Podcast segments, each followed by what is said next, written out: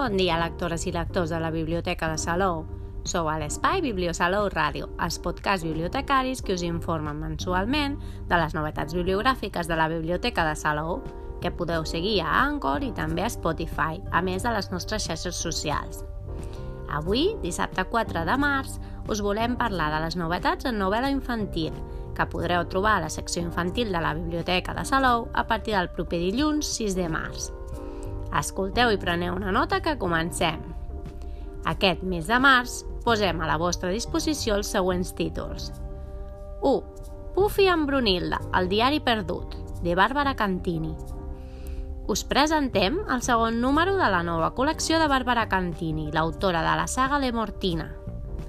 Després de la desventura al vol de debut, en Puffy i la Brunilda tornen a ser els que eren abans però saben que la normalitat no durarà molt i que a la nit intercanviaran els jocs i es transformaran de nou l'una en l'altra i l'altra en l'una.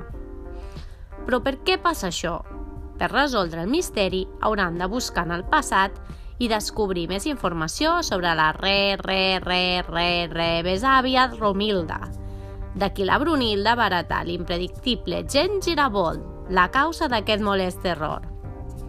Tots els secrets de la Romilda es troben a les pàgines del seu diari perdut, enterrat en secret a la seva borda i protegit per un temible monstre que es nodreix de les pors de l'Arthur, el nen que viu a la casa del costat.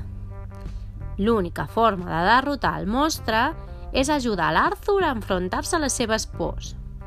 Gràcies a en Puffy i la Brunilda, l'Arthur aconseguirà superar les pors més grans i podran, per fi, arriba al diari i els preuats secrets que conta. Recomanat per a lectors de 7 a 9 anys, està editat per la Galera amb data de l'octubre del passat 2022. 2. Goleador en Sufati, convocado, de David Domínguez. Continua l'emoció, les remuntades i els gols impossibles en el tercer llibre de la col·lecció Col·legiador en Sufati, la història del nou ídol del Barça. En aquest tercer llibre, l'Ansu jugarà els seus darrers partits a la categoria juvenil i s'enfrontarà al repte més gran de la seva vida, complir el seu somni i debutar al Barça amb només 16 anys.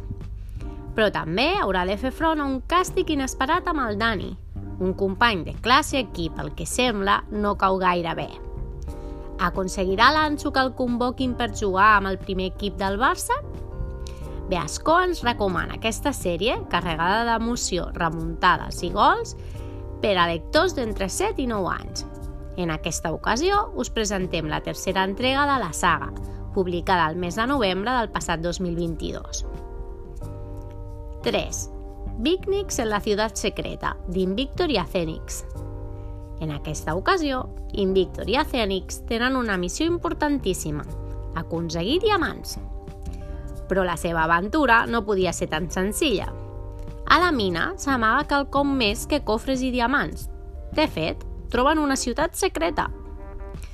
Han d'avisar tothom del seu gran descobriment, però com ho aconseguiran? És impossible sortir de la ciutat.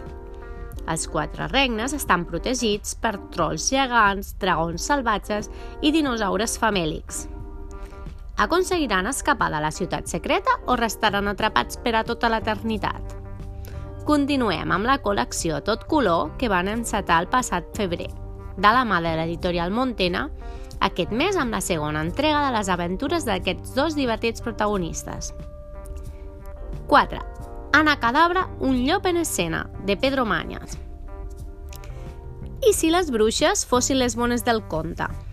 L'Anna i els seus amics estan muntant una obra de teatre sobre Llobèlia de Llop Blanc, la fetillera més famosa de Moonville i també la més misteriosa.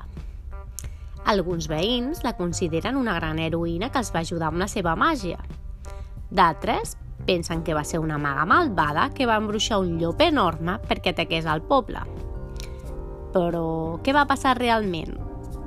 En aquesta nova aventura d'anar cadabra i anem per la número 9, editada al mes de maig del passat 2022, Pedro Manya se'ns endinsa en el món de l'espectacle de la mà d'aquesta encantadora bruixeta i la seva colla. 5. Les aventures de l'Anna Peu, un zero a l'esquerra, de Màrius Serra. A la Casa de Colònies de la Napeu s'ha organitzat un partit de futbol i el resultat, un avorrit 0-0, es fa entrar en un etern debat. Per què? Té el 0 alguna rellevància?